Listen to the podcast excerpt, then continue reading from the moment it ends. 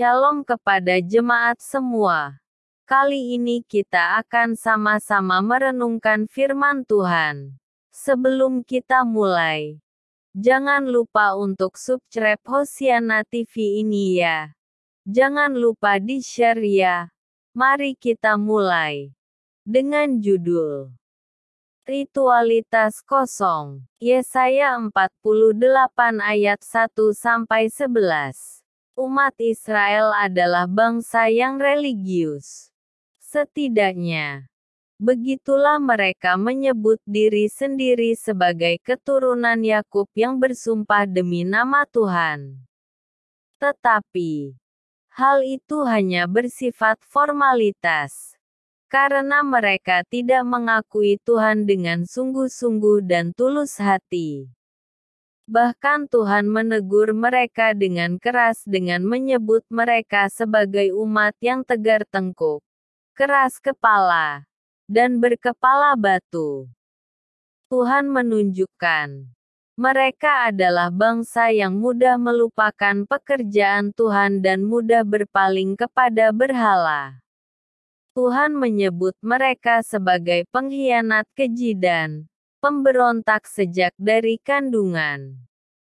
Pada hakikat, Tuhan ingin umatnya mengingat segala firman-Nya dan percaya sungguh-sungguh dalam karya Tuhan yang ajaib.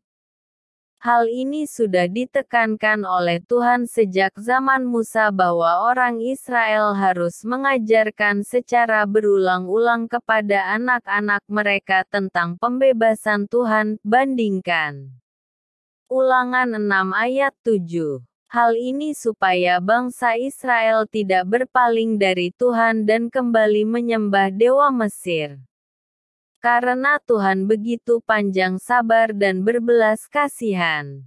Maka diulangi kembali pengingat tentang penghukuman di masa lalu itu dan peringatan supaya kemuliaan nama Tuhan tidak lagi dinajiskan dengan berhala sifat agamawi memang bukanlah hal yang berkenan bagi Allah.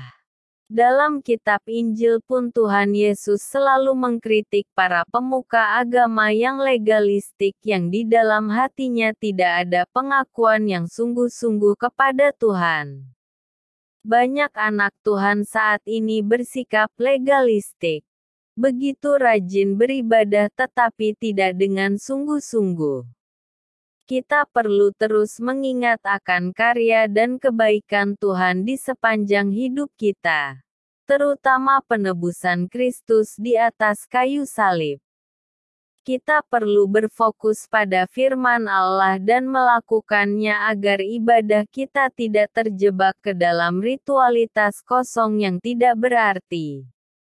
Dengan demikian, Ibadah kita menjadi penyembahan yang menggugah hati dan tulus dalam memuliakan namanya.